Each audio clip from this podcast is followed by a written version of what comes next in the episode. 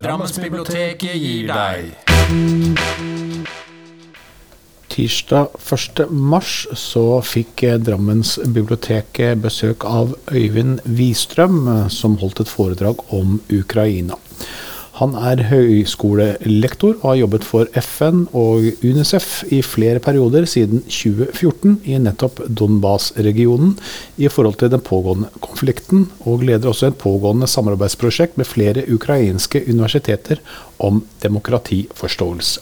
Gjør oppmerksom på at foredraget er litt klippet og redigert for å tilpasse seg podkastformatet.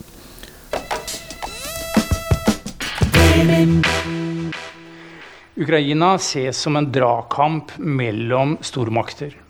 Og det er også det som er mitt grunnleggende inntrykk. Det er at Ukraina får ikke lov til å finne ut av ting sjøl, men blir styrt av andre.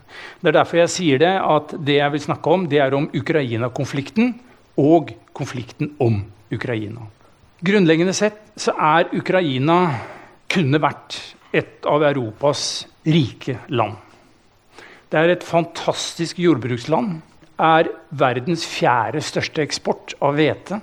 Russland er faktisk den første. Og landet er sletter og lavland mesteparten.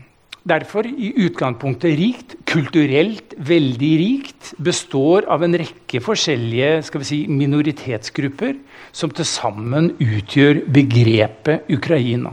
Det jeg vil gå gjennom, er å se litt på geografi, kultur og historie fra før Sovjet, Sovjet, frigjøring, revolusjoner, og så da til slutt opprør og krig og den situasjonen som er nå. Ukraina ligger her. Svartehavet. Og dere ser det ligger midt mellom Europa og Russland. Enormt svært. Det er like stort som Tyskland og Frankrike til sammen, sånn arealmessig. 44 millioner mennesker. Men som sagt et av for ikke å si det fattigste landet i Ukraina. Dette her er typisk landskap. Mesteparten ser sånn ut. Under 300 meter over havet. Det har et såkalt svartjordsbelte. Enormt fruktbart jord. Faktisk så fruktbart at da Hitler hadde okkupert hele Ukraina, så begynte de å skave av de øverste 30 cm av jorda og kjørte dem på jernbaneskinner eller jernbanevogner tilbake igjen til Tyskland. De fikk med seg ca. 6000 jernbanevogner med fruktbar jord fra Ukraina, som de så spredde ut på jordene i, i Tyskland. Én ting er landsbygda. Gammel industri, spesielt i øst. Fattig. Veldig fattig eh, noen steder. Mens f.eks. Kiev er en rik, majestetisk by. Det samme med Kharkiv, Dnipro og flere av Lviv og de andre. Og mitt inntrykk den gangen når jeg var der, var at, liksom at hovedproblemet i øst og ute på landsbygda var fattigdommen, gamle hus, gammel industri og sånt noe. Mens i Kiev så var hovedproblemet å finne parkeringsplassen til de søkkrike oligarkene og deres suver. Så det er veldig kontraster. Og dere skal ikke mer enn to mil utafor Kiev, så kommer dette her sånn. Veldig mye av det er utrangert fra sovjettiden. Tungindustri. Uh, Ukraina var faktisk hovedprodusenten for den, for den sovjetiske militærindustrien. Og Derfor var også Ukraina, da Sovjet kollapset etter hvert, var verdens tredje største atommakt. Fordi at Sovjet hadde så mye atomvåpen samla der sånn i Ukraina. Det har egentlig ingen naturlige grenser. Alt sammen er politisk bestemt. Fordi dette her er sletteland hele veien. Bortsett fra oppover uh, Romania og litt grann Moldova. Der er det fjell. Uh, men ellers paddeflatt. Og noen store elver som går gjennom, først og fremst da Dniper, som går tvers gjennom det hele. Hvor da, da Kiev, hovedstaden, Kramentsjank, og så har dere den østlige delen, som da er den store konfliktområden hele tiden, Luhansk og Donetsk. Og den store byen Kharkiv, som er eh, den nest største i Ukraina. Mens Lviv er den mest vestlige Uh, ja, det er det samme. Her er grenseområdet i forhold til det såkalte opprørskontrollerte området. Og Krim, som jeg kommer tilbake igjen her nede. Ukrainas historie begynte egentlig med østslaverne. Uh, fra 800-tallet til 1100-tallet. Og var liksom de folkevandringene. Og de uh, slo seg da ned i disse enorme steppeområdene. Norge var tidlig i kontakt. Til og med, til og med Olav Tryggvason var der borte. Det var ekteskap mellom norske vikingkonger og kongefamilien og herskeren i Kyiv. Og det var Kyiv Rus som var liksom opprinnelsen til det hele. Og seinere ble hovedstaden for hele dette området flytta til Moskva. Og det er et stort problem i denne konflikten for f.eks. Putin.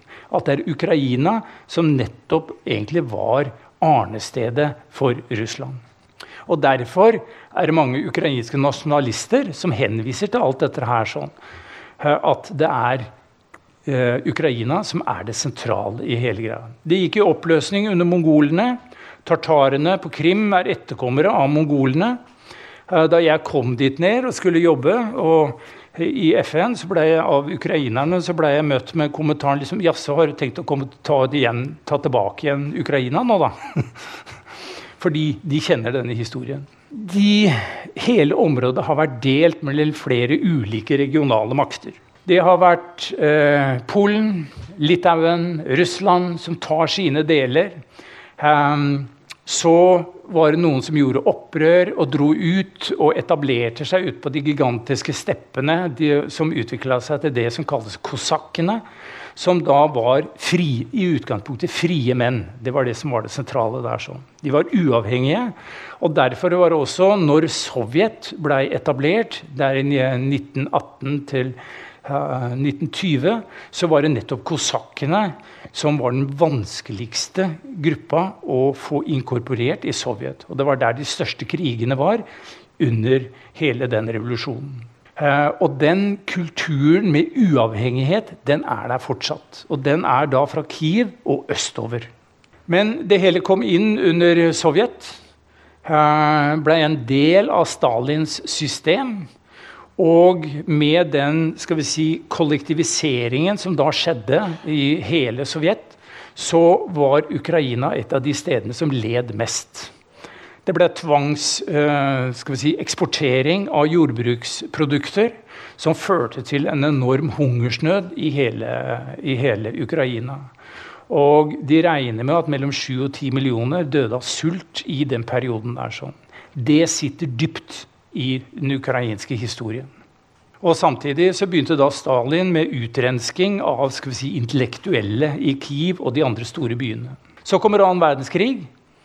Um, og der var også problematikken den at mens du i øst hadde kommunistisk oppfatning, Sovjet, så i vest så var de mye mer vestlig orientert. Slik at da Hitler invaderte Ukraina rundt i Lviv-området, så ble de faktisk møtt med flagg og fanfarer. Mens i øst så var det da harde kamper. Og det var kanskje det landet, bortsett fra Tyskland, da, som ble mest ødelagt som helhet i løpet av den krigen. Masse uh, ukrainske jøder ble drept. Uh, halv million, over en halv million. Og i 1917 var det da 4,3 millioner.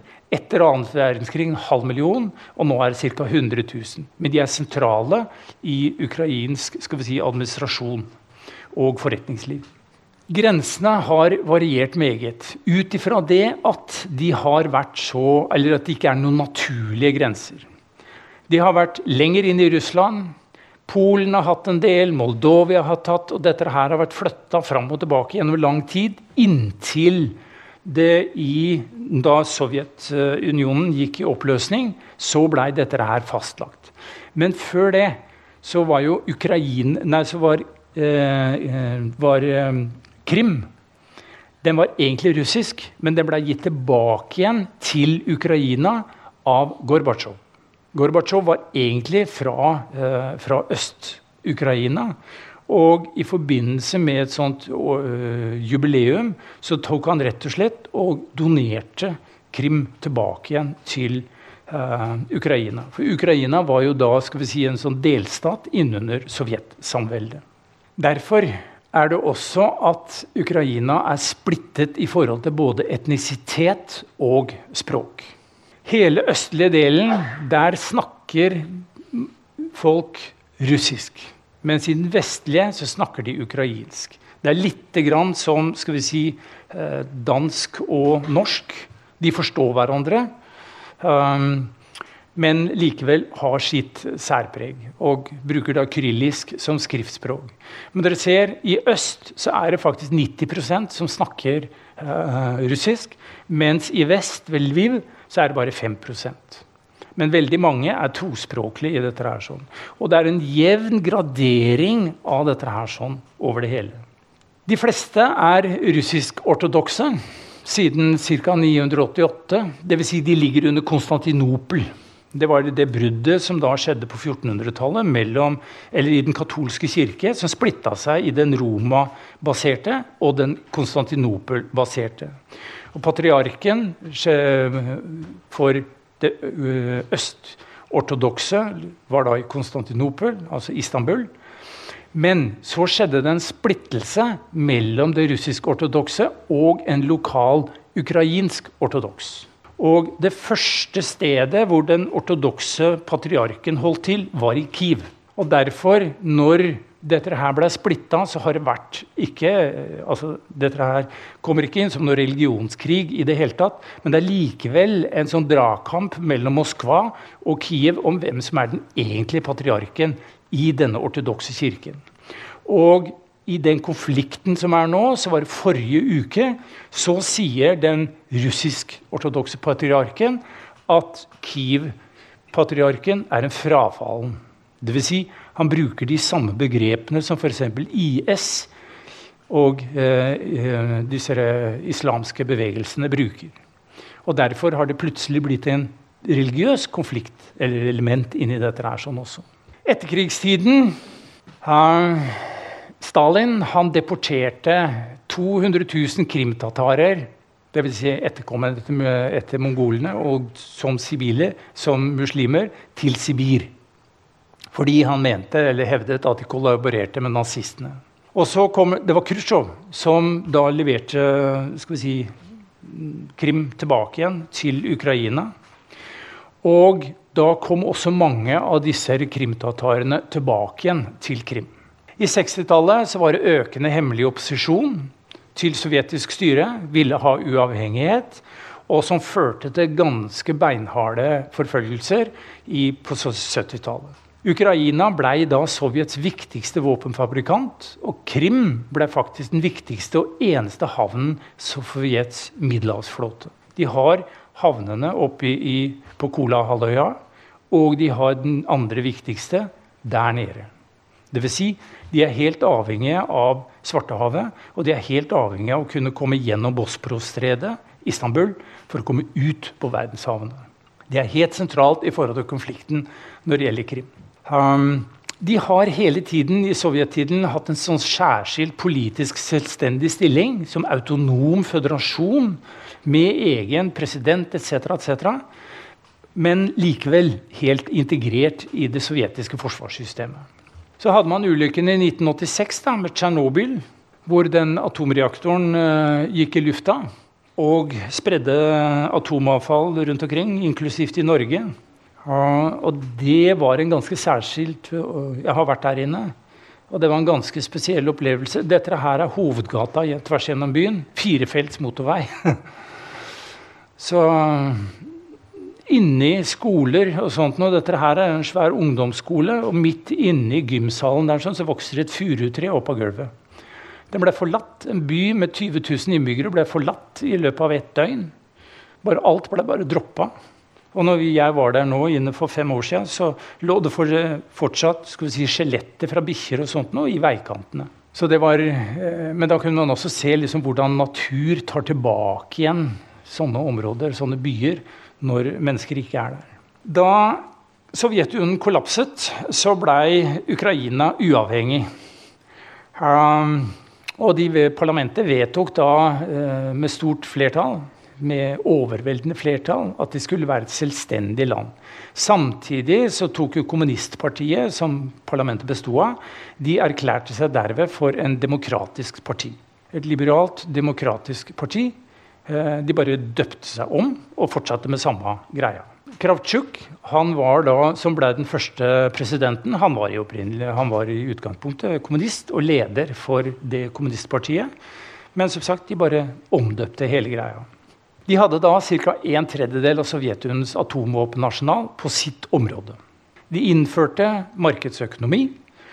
Det eh, førte til en kraftig økonomisk nedgang som varte i åtte år.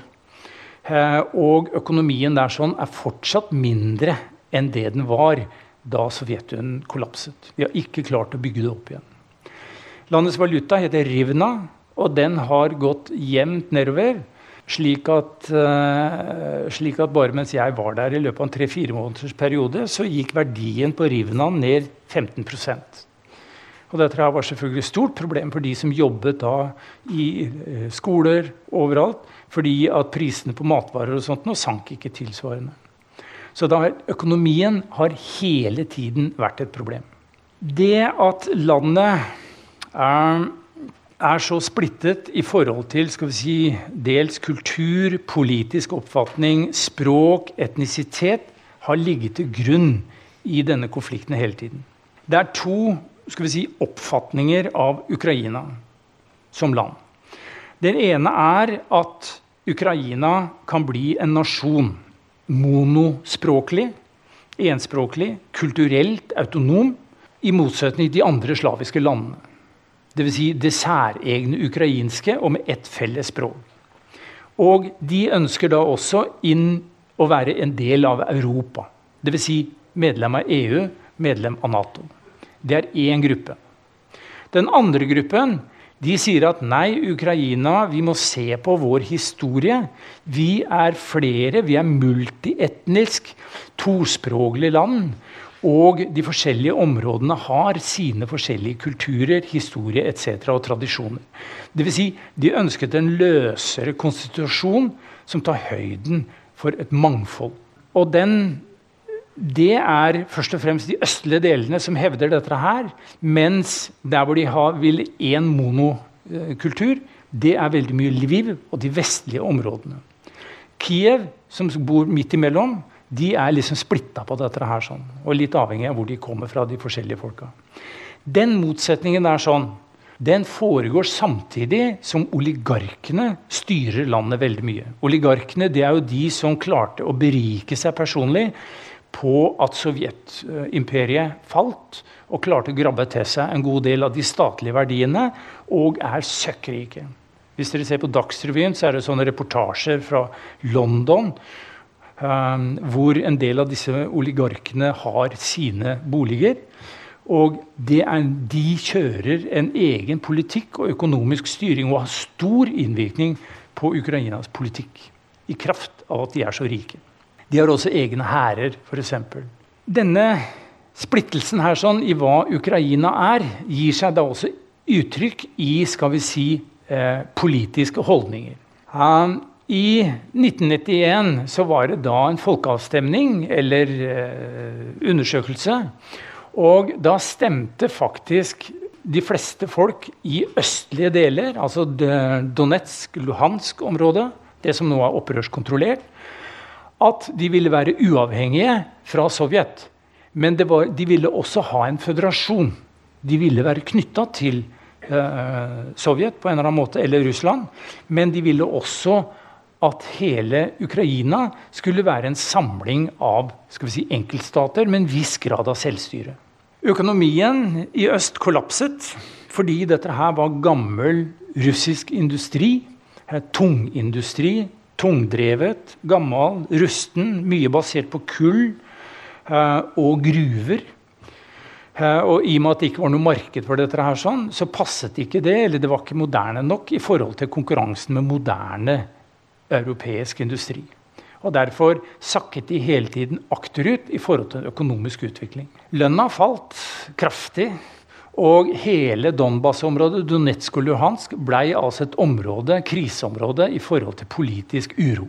Og de hevdet da at Kiev var eh, De ble neglisjert fra Kiev. Det er litt av samme diskusjon som man har i forhold til Oslo og Finnmark f.eks. Men bare en helt, helt annen dimensjon.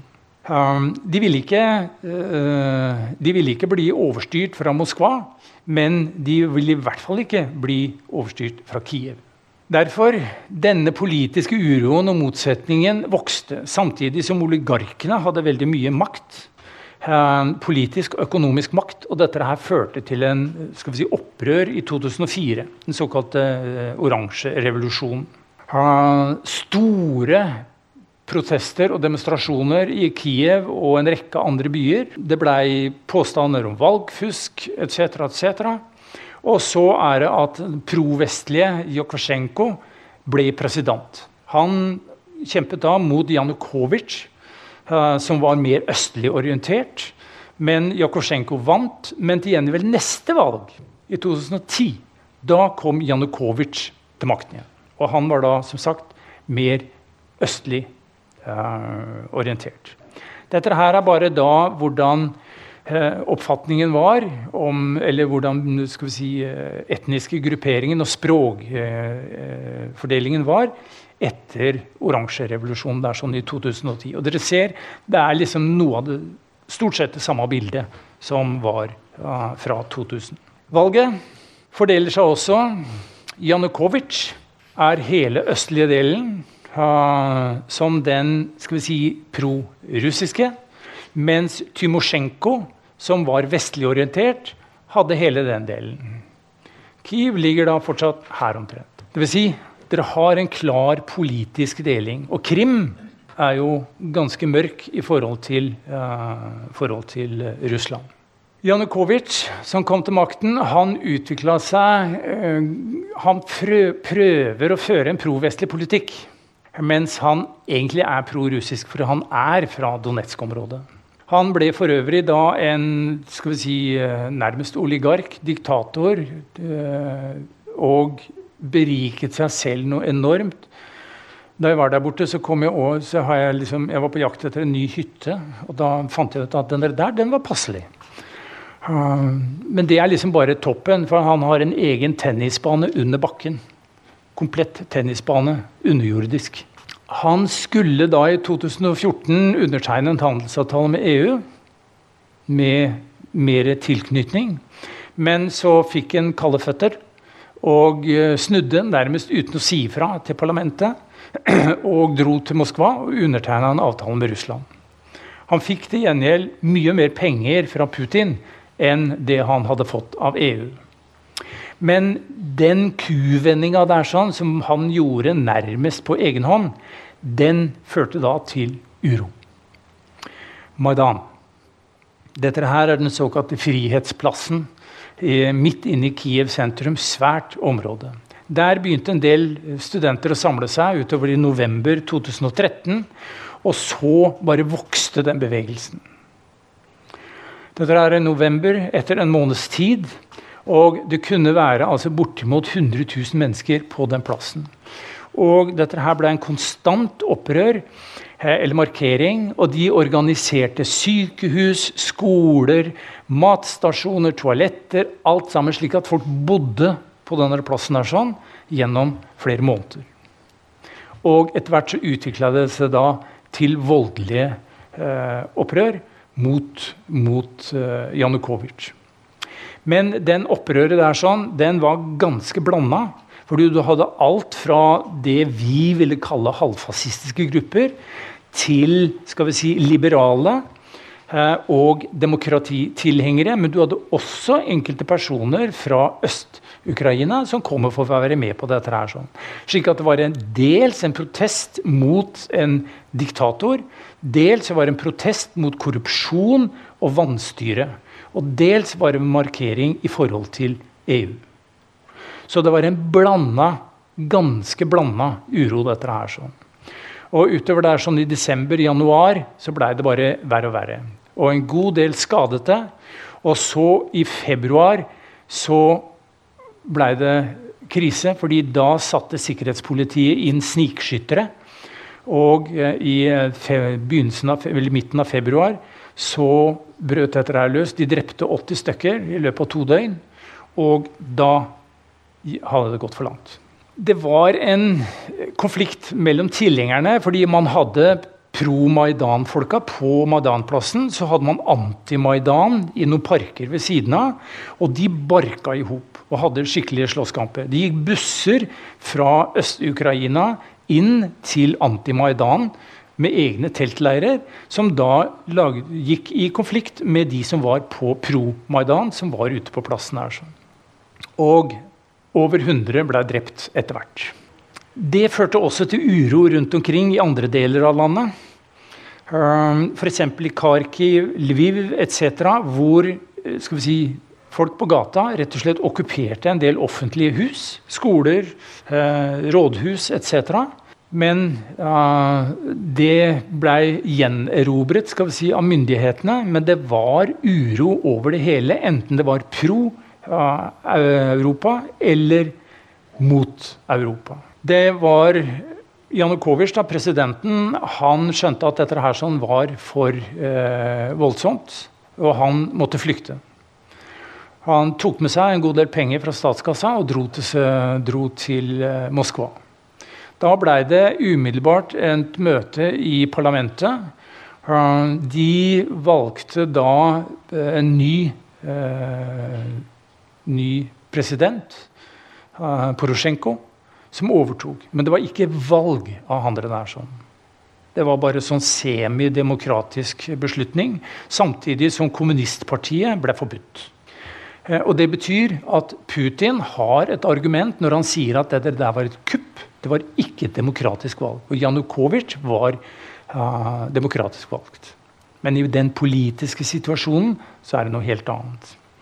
Og Derfor har det helt fram til i dag vært svære utstillinger og bilder av de 100 som ble drept, og andre som ble skada, rundt hele den Maidan-plassen.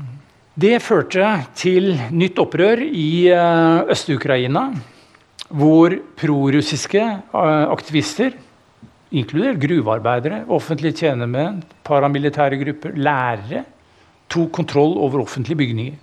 Det var noen steder konfrontasjoner, folk ble drept. Men etter noen uker så hadde lokalpoliti og sikkerhetsstyrker gjenerobret en del av bygningene. Men helt i øst så var det fortsatt opprørere som hadde tatt kontrollen. I april så erobrer da Russland Krim. Da var hele konflikten flytta ut fra å være et, eh, et, konflikt i Ukraina til å bli en konflikt om Ukraina. Flertallet av befolkningen var russere. Russiske eneste språk. Det blei et opprør som da ble støttet av de såkalte grønne soldatene. Dvs. Si, eh, russiske soldater som kom der inkognito, nærmest. Et, eh, de ble organisert en folkeavstemning som var helt klar. 96% ville koble seg an, eh, til Russland. Så kan man stille spørsmålet om den var riktig gjennomført. og Det har jo vært liksom Vestens kritikk hele tiden. Men realiteten var at det var en avstemning der borte. Så spørsmålet er hvorfor erobret Russland Krim? Nato ekspanderer stadig. Nato kommer hele tiden nærmere. Dette var det opprinnelige. Så kommer det ene landet etter det andre og blir nærmere og nærmere Russland. Og det er bare Ukraina, Georgia og Hviterussland som ligger imellom. Etter at de baltiske statene var blitt medlem av Ukraina. Nei, medlem av uh, Nato. Dvs. Si, hele tiden presser man seg inn mot russisk område. Det er det ene. Det andre er at Krimhalvøya er det eneste stedet hvor Russland har tilgang til hav og ut til Middelhavet og Atlanteren etc. Sånn at fra et rent militærstrategisk synspunkt så var Putin nødt til å annektere det området der. De ville være totalt isolert hvis de ikke kunne kontrollere Kim. Derfor har det vært veldig mye diskusjon om skal vi si, hva er det at Sovjet, Russland, er blitt lovet av vestmaktene. Og det har vært en gjennomgående i dette. her sånn. Faktisk bare i forrige uke så kom det fram gjennom Der Spiegel i Tyskland en del dokumenter hvor rent faktisk Europa har lovet eh, Sovjet, og da seinere eh, Jeltsin, at Nato ikke skal bevege seg, ikke ekspandere østover. Det var allerede i 1991. Samtidig som liksom Sovjet holdt på å kollapse. Høyerestående tjenestemenn fra USA, Storbritannia, Frankrike, Tyskland som lover eh, Sovjet at de skal ikke gå inn på Sovjets interessesfærer. Dette her kan jo sånn sett sammenlignes med Cuba-krisen. Eh, om at eh, hvis de nærmer seg eh, Natos ekspansjon her sånn østover, det blir på samme måte som når Sovjet ville utsette, sette ut ballistiske raketter på Cuba. Eller man kan tenke seg at liksom, Russland kommer og setter, Putin setter ut raketter i Canada i forhold til USA. Så hvis man har liksom en sånn øh, aggressiv øh, tenkning, eller konflikttenkning i brunn, at det her er det blir krig hvis jeg, hvis jeg er svak, så vil de andre komme og ta meg, så er det helt naturlig at her vil Putin være redd for den ø, ekspansjonen av Nato. I april 2008 så var det et møte i Bucuresti, Nato. Og da sier Nato at de ønsker Ukraina og Georgia som medlemmer i Nato. Disse ble lovet medlemskap i Nato. Nettopp det som da Putin er livredd for. Putins reaksjon den gangen var helt klar. Det er en direkte sikkerhetsmessig trussel mot Russland. Og til og med under Obama så sier eh, forsvarsministeren da at det der sånn er eh, farlig fordi det er mot Russlands vitale nasjonale interesser. Derfor Georgia ville ha frihet, uavhengighet av Russland. Og de brukte påskudd mot delstaten Sør-Ossetia som var, en, var mer tilknytta Russland enn det selve Georgia var. De krevde uavhengighet av, av uh, Georgia, forsøkte å løsrive seg og knytte seg opp mot, mot Russland. Hvorpå Georgia går til angrep på delstaten Sør-Ossetia. Da reagerte Russland og tok kontroll over Georgia og innlemmet dem. Slik at nå har jo da Russland kontroll over Georgia som et grenseland. På akkurat samme måte som Ukraina. Hvis vi ser på USAs militærbaser, så ser dere at Russland er jo på en eller annen måte helt innelukket. Hele veien rundt her sånn, så er det amerikanske militære baser. Og med Nato så fulgte EU. Først Nato, og så blir de medlem av EU. Dvs. Si hele den økonomiske politikken blir å gå nærmere og nærmere Russland. Russland mista da sine tidligere handelspartnere. Og for så har Gasseksporten til Europa fra Russland den går jo gjennom Ukraina. Det har hele tiden vært et sentralt spørsmål. Ukraina tjener jo grovt med penger på den transitten der som har gass. Derfor har Russland også, med den uroen som har vært i uh, Ukraina, så har de forsøkt å lage en gassledning direkte gjennom Østersjøen, også til Tyskland. Det har vært samarbeid. Den har USA alltid forsøkt å stoppe. Sånn, og Eh, har derfor skal vi si, eh, boikotta de selskapene som har vært med på den investeringen der. sånn. Nå, etter at krigen brøt ut, så skrinla Tyskland hele det prosjektet. slik at nå er hele det milliardprosjektet der sånn dødt og begravet. De, øst, de opprørerne i øst, de på, med inspirasjon fra Krim etc., så fortsatte de liksom frigjøringen. Og det ble en regulær krig som da både Russland sendte soldater til, og Vesten forsynte med våpen.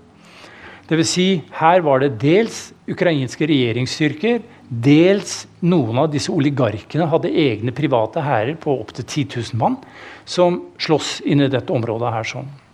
Men etter hvert så fikk da opprørerne feste et bestemt område som de har kontrollert helt fram til i dag. Og Det er dette området her. sånn. Og Her er det da observatører har vært. Jeg jobba i hele det området her. Mens f.eks. Organisasjonen for samarbeid og sikkerhet i Europa de har egne observatører som sitter inne i dette området her sånn, og observerer brudd på den våpenhvilen. Og det har foregått helt fram til nå. Det blei eh, faktisk en slags stillingskrig hvor man skyter. Og f.eks. da jeg var der nede, så var det en god del folk som bodde i det ingenmannsland her, sånn, men da hadde partene laget en sånn lunsjavtale om at de slutta å skyte klokka ett, fordi det var masse folk som bodde i ødelagte hus, skoler, bunkerser og sånt noe i ingenmannsland. Så da var det klokka ett, så slutta de, slik at ungene kunne komme ut og leke, og forsyning, matforsyninger og vann kunne bli frakta inn. Men klokka tre så begynte skytinga igjen, og da måtte de trekke seg ut. Kom nå, barn, nå må vi gå inn. Og så begynner skytinga. Og sånn har dere der holdt på da i fem-seks år. Med en stillingskrig, men med mange drept. Samtidig så er det at regjeringa Kyv har ikke bare vært forsonende overfor den russiske delen, delen av befolkninga. De sa rett og slett at Ukraina skal gå bort fra sin status som alliansefritt og jobbe for Nato-medlemskap. Det vedtok de allerede i 2014.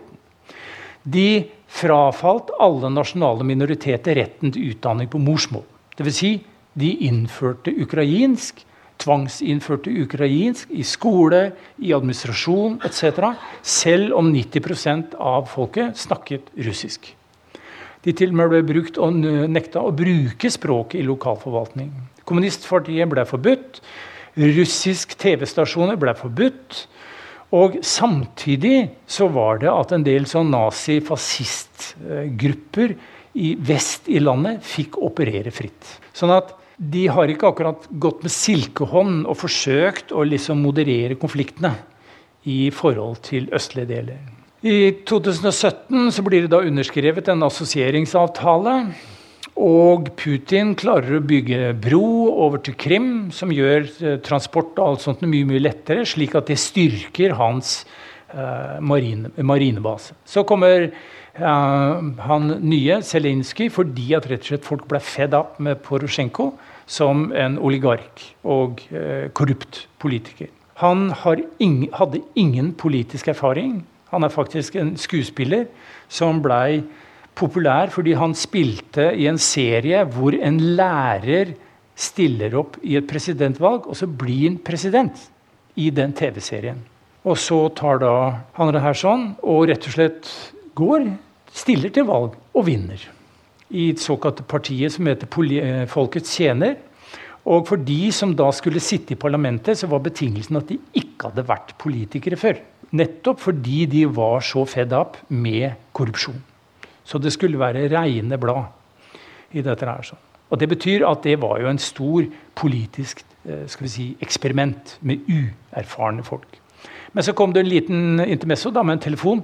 Eh, det dreide seg om Eh, det dreide seg om våpen. Grunnleggende sett var den saken der sånn at Trump han lover Zelinskyj masse våpen og bistand hvis Zelinskyj hjelper til litt med i valgkampen. her. Og Det betyr at USA var i ferd med å forsyne Ukraina med våpen. Og det visste Putin. Han fikk til en uh, fangeutveksling etc. Og så er det et forsøk på en Minsk-avtale hvor, hvor, østdelen, skulle, Donetsk, skulle få en sånn desentralisert og uh, autonom politisk posisjon og bare felles utenrikspolitikk etc. Begge parter bryter, bryter den avtalen der. Sånn. Derfor Ukraina har hele tida hatt vansker med å finne sin egen identitet. De var fortsatt offer for den gamle øst-vest-konflikten. De var imellom. Det er det Ukraina betyr. Landet imellom. Og derfor den politiske situasjonen i landet med en gruppe helt uerfarne politikere i parlamentet, det var et svært politisk eksperiment. Og spørsmålet var vil de klare å forene alle disse motsetningene som, som Lama hadde. 13 000 mennesker har mista livet i den konflikten der, sånn, den interne konflikten. Hundretusener, noen snakker om en million, har flyktet eller fått ødelagt sine hjem i dette her. Sånn. Fordi krigshandlingene har hele tiden foregått jevnt og trutt. Men så kom det da noen nye elementer inn i denne konflikten. her sånn. Uh, USA, Nato, har helt siden 2014 stille og rolig forsynt Ukraina med moderne våpen for å modernisere hæren. Det er derfor Putin nå har problemer. Det er ikke fordi den tilstanden Forsvaret der var i i 2014. Da hadde den bare rent over ende. Men nå har de moderne våpen. De er trena av utenlandske spesialister etc. Gassrørledningen som jeg fortalte om i stad, den ble stansa. Den har hele tiden hatt problemer. og Det er jo igjen et økonomisk spørsmål, for USA har hele tiden forsøkt å stanse den fordi USA vil selge gass til Europa. Så det var i direkte konkurranse med Russland. Uh, Hviterussland, nabolandet, de er også denne buffersonen. Det var tre land som var buffere her. sånn. Hviterussland, Ukraina og Georgia. Der starta det også et stort folkelig opprør i 2020 mot Lukasjenko, som har sittet med diktatorisk makt i 25 år. Og Da gikk det masse rykter om vestlig innblanding. og alt sånt. Det opprøret ble etter hvert brutalt slått ned, med russisk hjelp. Og nå er Hviterussland helt alliert med Russland. Dvs. Si, her har det bobla hele tiden og vært forskjellige utenlandske interesser i å dytte Ukraina litt mer inn i vestlige folden. Samtidig som Putin har uh, sørget for å ta vare på å få Hviterussland enda tettere knyttet. Så begynte han da i 2011 å samle militærstyrker uh, under påskudd av at dette her var jo på russisk område, og at det var bare øvelse. Og nei, Det var overhodet ikke noe snakk om noe angrep eller noe sånt. Men det blei ropt varsko fra f.eks. amerikansk etterretning om, som sier at det blir angrep.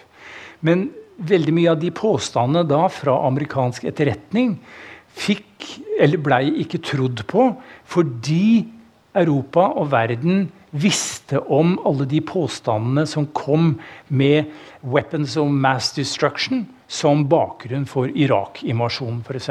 Som jo viste seg å være blank løgn. Og Derfor ble mye av den varslingene fra amerikansk etterretning sett på som ren propaganda. Ordkrigen og spekulasjonene begynte da. De kommer med masse påstander eh, mot hverandre.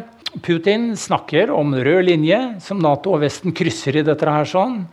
Um, og Putin mener at det er ukrainske nasjonalister som må bære hovedansvar for dette. her sånn. Det vil si, her får man hele den ordkrigen mellom disse her sånn, basert på skal vi si, sine høyborger og for å sverte motparten. Statsministeren uh, sier at den russiske ledelsen har i stor grad gitt opp å få noe dialog og avtale med uh, Zelinskyj. Også fordi begge parter, men kanskje spesielt eh, Ukraina, brøt det som var Minsk-avtalen i forhold til å gi Donetsk en mer selvstendig rolle. Og så invaderer de Ukraina 24.2. Den angrepet har jo gått mye treigere enn det som de hadde tenkt. Og Putin har blitt, eller Russland har blitt forbauset, og de har også Vesten blitt forbauset over hvor treigt dette her sånn har gått, og forsøkt å forklare det på forskjellige måter. Samtidig så har jo også det angrepet skal vi si, konsolidert enheten i eh, Ukraina. I hvert fall utafor de opprørskontrollerte områdene. Der vet vi lite av som, hvordan holdningen egentlig er. Prinsippene i dette her sånn, det er jo da at Putin han vil ikke ha Nato og EU så tett opp til sine grenser. Det er på samme måte som USA i forhold til Cuba-krisen. Samtidig så er Nato og EU styrt av prinsippet om at det er landene selv som må bestemme hva de vil. Og Ukraina har jo sagt de vil bli medlem av EU. De vil bli medlem av Nato. FN, Nato og andre uh, fordømmer jo hele dette angrepet med all rett. Det er et brudd på folkeretten, brudd på Ukrainas suverenitet, basert på en frykt i forhold til at nå står jeg holdt på å si, den fienden EU-Nato helt på grensa til Russland i hele denne konflikten. Nå mobiliseres det jo i hele Europa. Våpen sendes. Til og med Finland vil nå vurdere om de skal være med i Nato. Norge, Tyskland sender militær våpen ut av landet. Det har de ikke gjort siden 1945. Bryter med en rekke sånn si, historiske tradisjoner når det gjelder militært samarbeid. USA gjør foreløpig veldig lite. I hvert fall tilsynelatende. De blander seg ikke inn i dette her sånn under påskudd av at hvis USA gjør det, så blir det plutselig en internasjonal krig. Mens Europa blir akseptert fordi de er naboer til Russland. Og det er argumentasjonen. Men til gjengjeld så har jo USA liksom fyrt opp under dette her sånn, i en eller annen grad i lang tid. Og så begynner da en rekke av disse sanksjonene for å isolere Russland økonomisk. De umiddelbare konsekvensene av dette her sånn, eh, først og fremst i forhold til økonomien, det er at rubelen sank med 30 Renta fra nasjonalbanken ble økt til det dobbelte for å hindre inflasjon. Russland taper jo enorme penger på dette. her sånn. Jeg så et tall 130 milliarder hver eneste dag. Uh, i dette her sånn. Oligarkene mister muligheter på mange måter. En del av dem begynner å opponere mot, mot uh, Putin. Gassledningen er stengt. Det betyr også, med konflikten der sånn, at gassprisene går rett til værs. 40% av gassen til Europa kommer fra Russland. 30% kommer fra Norge, sånn cirka. Så vi tjener grovt på den konflikten. der. sånn. På samme måte som vi gjør hver gang det er en konflikt nede i Midtøsten i forhold til olje. Russland og Ukraina de er sentrale produsenter av hvete. Som sagt, Russland største eksportøren av hvete. Uh, Ukraina nummer, nummer fire. Det eksporteres det til Europa og en rekke andre land. Libanon, Jemen, Somalia, Syria, Egypt, Tunis. Alle lutfattige land. Og Libanon er jo en virkelig økonomisk krise. Det betyr de har lite reservelager av hvete, og derfor veldig avhengig av prisene, dagsaktuelle prisene på dette. her. Sånn. Det har ført til stor uro. F.eks. Somalia hadde et militærkupp for et år siden nettopp pga. uro for økte hvetepriser. Tunis er helt avhengig av billig. Marokko det samme.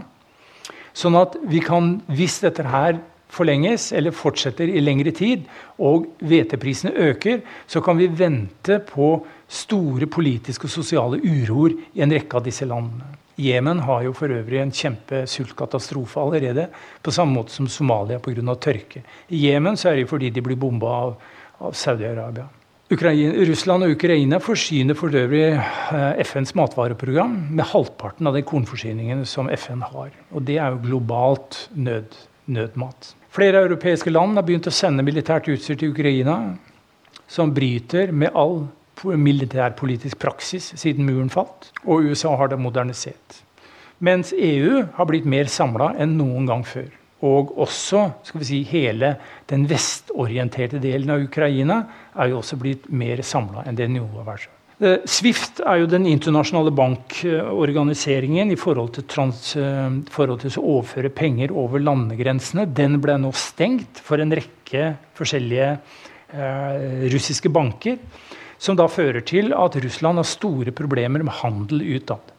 Men de var allerede i gang med en eh, ordning med Kina og til dels Iran, i og med at USA har boikotta Iran så har de begynt å utvikle et eget system. Samtidig har Kina forsøkt å gå over til en gullbasert petro-yan, altså en, en valuta, internasjonal valuta som ikke henger sammen med dollaren. Uavhengig av dollaren. Dvs. Si her har man en global økonomisk kamp, krig, om hvem som kan liksom faktisk overføre penger.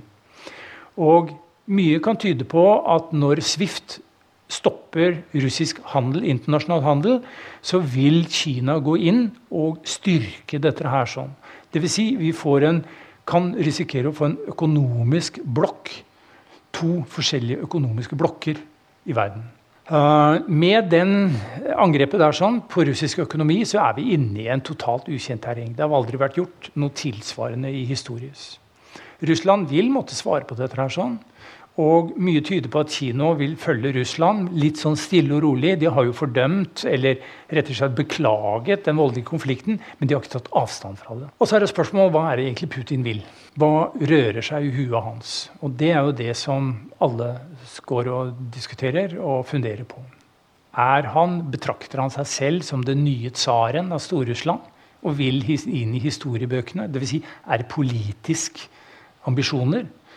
Eller er det fordi han vil store Russland øh, vel? Og Derfor er det en del diskusjoner blant europeiske psykiatere og sånt, om han rent faktisk er litt sånn smågal. Stormannsgalskap. Så er det andre som sier han handler bare på samme måte som USAs presidenter. USA har jo den såkalte Monroe-doktrinen, som har styrt USA helt siden, siden uh, annen verdenskrig. Hvor USA sier Latin-Amerika og Sør-Amerika det er vår bakgård. Hold dere unna. Ingen får lov å fidle noe med våre interesseområder. Og Derfor, det med å sette ut eksempel, Hvis Putin skulle sette ut raketter i, eh, i enten Cuba eller Canada, så vil Monroe-doktrinen slå inn med en eneste gang. Den har vært helt gjennomgående. Og det vil si, han selv hevder at han bare forsvarer Russland fra nazismen og kapitalismens åk. Som han sier. Spørsmålet er tror han i det hele tatt på noe sånt som det der. Det som er i hvert fall tydelig, er at han har ambisjoner om å bygge opp igjen Russland til et tsaristisk rike. Han er jo diktator, enevelde i en eller annen forstand, og har noen lakeier rundt seg og lever relativt isolert inne i Kreml. Og da kan man jo begynne å diskutere skal vi si, politisk teori om hva som styrer han, og hva som styrer eh, USA i deres eh, skal vi si, internasjonale politikk. eller noe sånt. Jeg har faktisk mest, mest eh, tiltro her sånn til en pakistaner som jeg jobba sammen med i Ukraina. For jeg fortalte at jeg underviste litt i internasjonal politikk. Og så sa han ja, men det er fort gjort er, er det fort gjort, sa jeg. Så hele kalde krigen og Midtøsten og alt sånt noe, er det, er det fort gjort? Ja da, sa han. Zanzam Zamir, sa han. Eh, hva da? Zanzam Zamir. Jo, det er pashtunsk, altså afghansk, for kvinner, jord og makt. Det er det som styrer alle de gutta der. Sant? Bare se på hva de gjør, og så skal du vurdere det ut ifra behovet for kvinner, jord og makt. Så kan du forklare hele internasjonal politikk sånn. Og derfor at det er kanskje det med tsar og Stor-Russland som driver en del. Og Derfor er det spørsmål hva vil han oppnå, egentlig? Fordi Hvis det er den tenkninga som ligger bak dette, her sånn, så gir han egentlig litt bengen i hva som kommer ut av det. For han vil gå inn i historiebøkene som den som forsøkte å gjenreise Russlands storhetstid, tsarismen. Eh, og Derfor er spørsmålet vil han noensinne kunne gi seg i forhold til dette. her sånn. Hvis det ikke blir en fredsavtale, og kampen bare fortsetter, krigen bare fortsetter, så vil det jo bli en vanvittig urban geriljakrig. Og Ukraina blir ødelagt. Totalt ødelagt. Nytt Syria. Og det kan godt hende det er det som Putin han gir bengen. Han vil ikke ha Europa og Nato eh, inn til sine grenser, og derfor ofrer han Ukraina. Og selv om han så taper Russland, så har han likevel forsøkt å danne stor, altså tsaristiske. Eller at Russland blir utestengt fra det gode selskap, isolert politisk, økonomisk. Og så er det spørsmål, Da er vi inne i en ny blokkdannelse, en ny kald krig, hvor det er to, for ikke å si tre, hegemoner nå er det jo stort sett bare én hegemon altså som styrer verden, og det er USA. Mens Kina er på full fart oppover til å overta etter hvert. Om 30 år så regner man jo at Kina er mektigere enn USA rent økonomisk. Og derfor også internasjonalt politisk. Men her kan Putin sørge for at det skjer ganske fort med en sånn blokkdannelse i verden. Det er en ny kald krig. Og da er det spørsmålet hva vil Kina gjøre? Vil de gå mot eller med? Men hvis han taper så er jo spørsmålet En hund som er pressa opp i et hjørne, den biter. Og hvis hans ambisjoner er et tsarrike, det er derfor kanskje han begynner å mobilisere atomvåpen. For å si 'hold dere unna'. Og sånn som det har vært foreløpig, så aner vi jo ikke hva han faktisk gjør. Kan det da bli et opprør og revolusjon i Russland? Det er jo spørsmål med den økonomien som er nå. Og da er det spørsmål hvor stor makt har Putin internt? Om han kan bli kasta eller ei? Eh, og hva skjer så med Russland? Da blir det jo holdt på å si 1991 om igjen. Eh, og enda verre. Og så er det spørsmål hva vil egentlig Vesten? Vil de hjelpe til med å løse Ukrainas problemer, eller vil de bare stanse Russland? Altså Vil det komme en massiv innfluks av bistand hvis, blir, hvis han taper? Og se det vet vi ikke helt. Altså Det er jo ganske stor eh, si, økonomisk bistand til Ukraina. Det har vært i de siste årene. Et av de prosjektene jeg har drevet med der borte i forhold til demokratisering av utdanningssystemet, er en del av det. Norge har jo ganske betydelige eh, investeringer borte i, eller bistand i Ukraina. Eller vil det bli en pariastat som blir holdt nede i ubestemt tid? Og hvis Putin trekker seg tilbake og lager fredsavtale, vil da Vesten starte en eh, opprustning, slik Tyskland besluttet? Dvs. Si militarisere hele området? Eh, vil det bety en ny blokkdannelse, eller hva det vil? Og så er det spørsmål er dette her da egentlig at USA står bak det hele eh, som hegemon, som har en krig, økonomisk og maktpolitisk krig, mot Russland. Og det er egentlig de som sitter og eh, drar i trådene. Og det er en god del internasjonale forskere som faktisk mener. Og oppi alt dette her sånn, så er jo hele klima- og miljøpolitikken med eh, FN-panelets eh, rapport, så er jo dette her er jo stikk i strid med alt sammen, fordi dette her er jo et ressurssløseri av en annen verden i dette her. sånn. Og bare for å si det, i forhold til skal vi si, demokrati og hvordan Eh, Vesten forsøker å innføre demokrati rundt omkring. Når USA sier, kritiserer da uh, Russland for å intervenere med våpen i, og krig i, i, Ukraina, så er dette USAs liste over hvilke land som har blitt bomba av USA siden eh, 1945. Eller siden 1950. Sånn at det er nok av de folk rundt omkring i verden som når USA kritiserer Putin, vil si hallo, vi husker lite grann. Jugoslavia, Jemen, Irak, Afghanistan, Pakistan, Somalia, Libya, Syria. Hele veien igjen. For ikke å snakke om i, eh, i El Salvador, Nicaragua etc. Her kan man si at begge parter snakker med splittet tunge.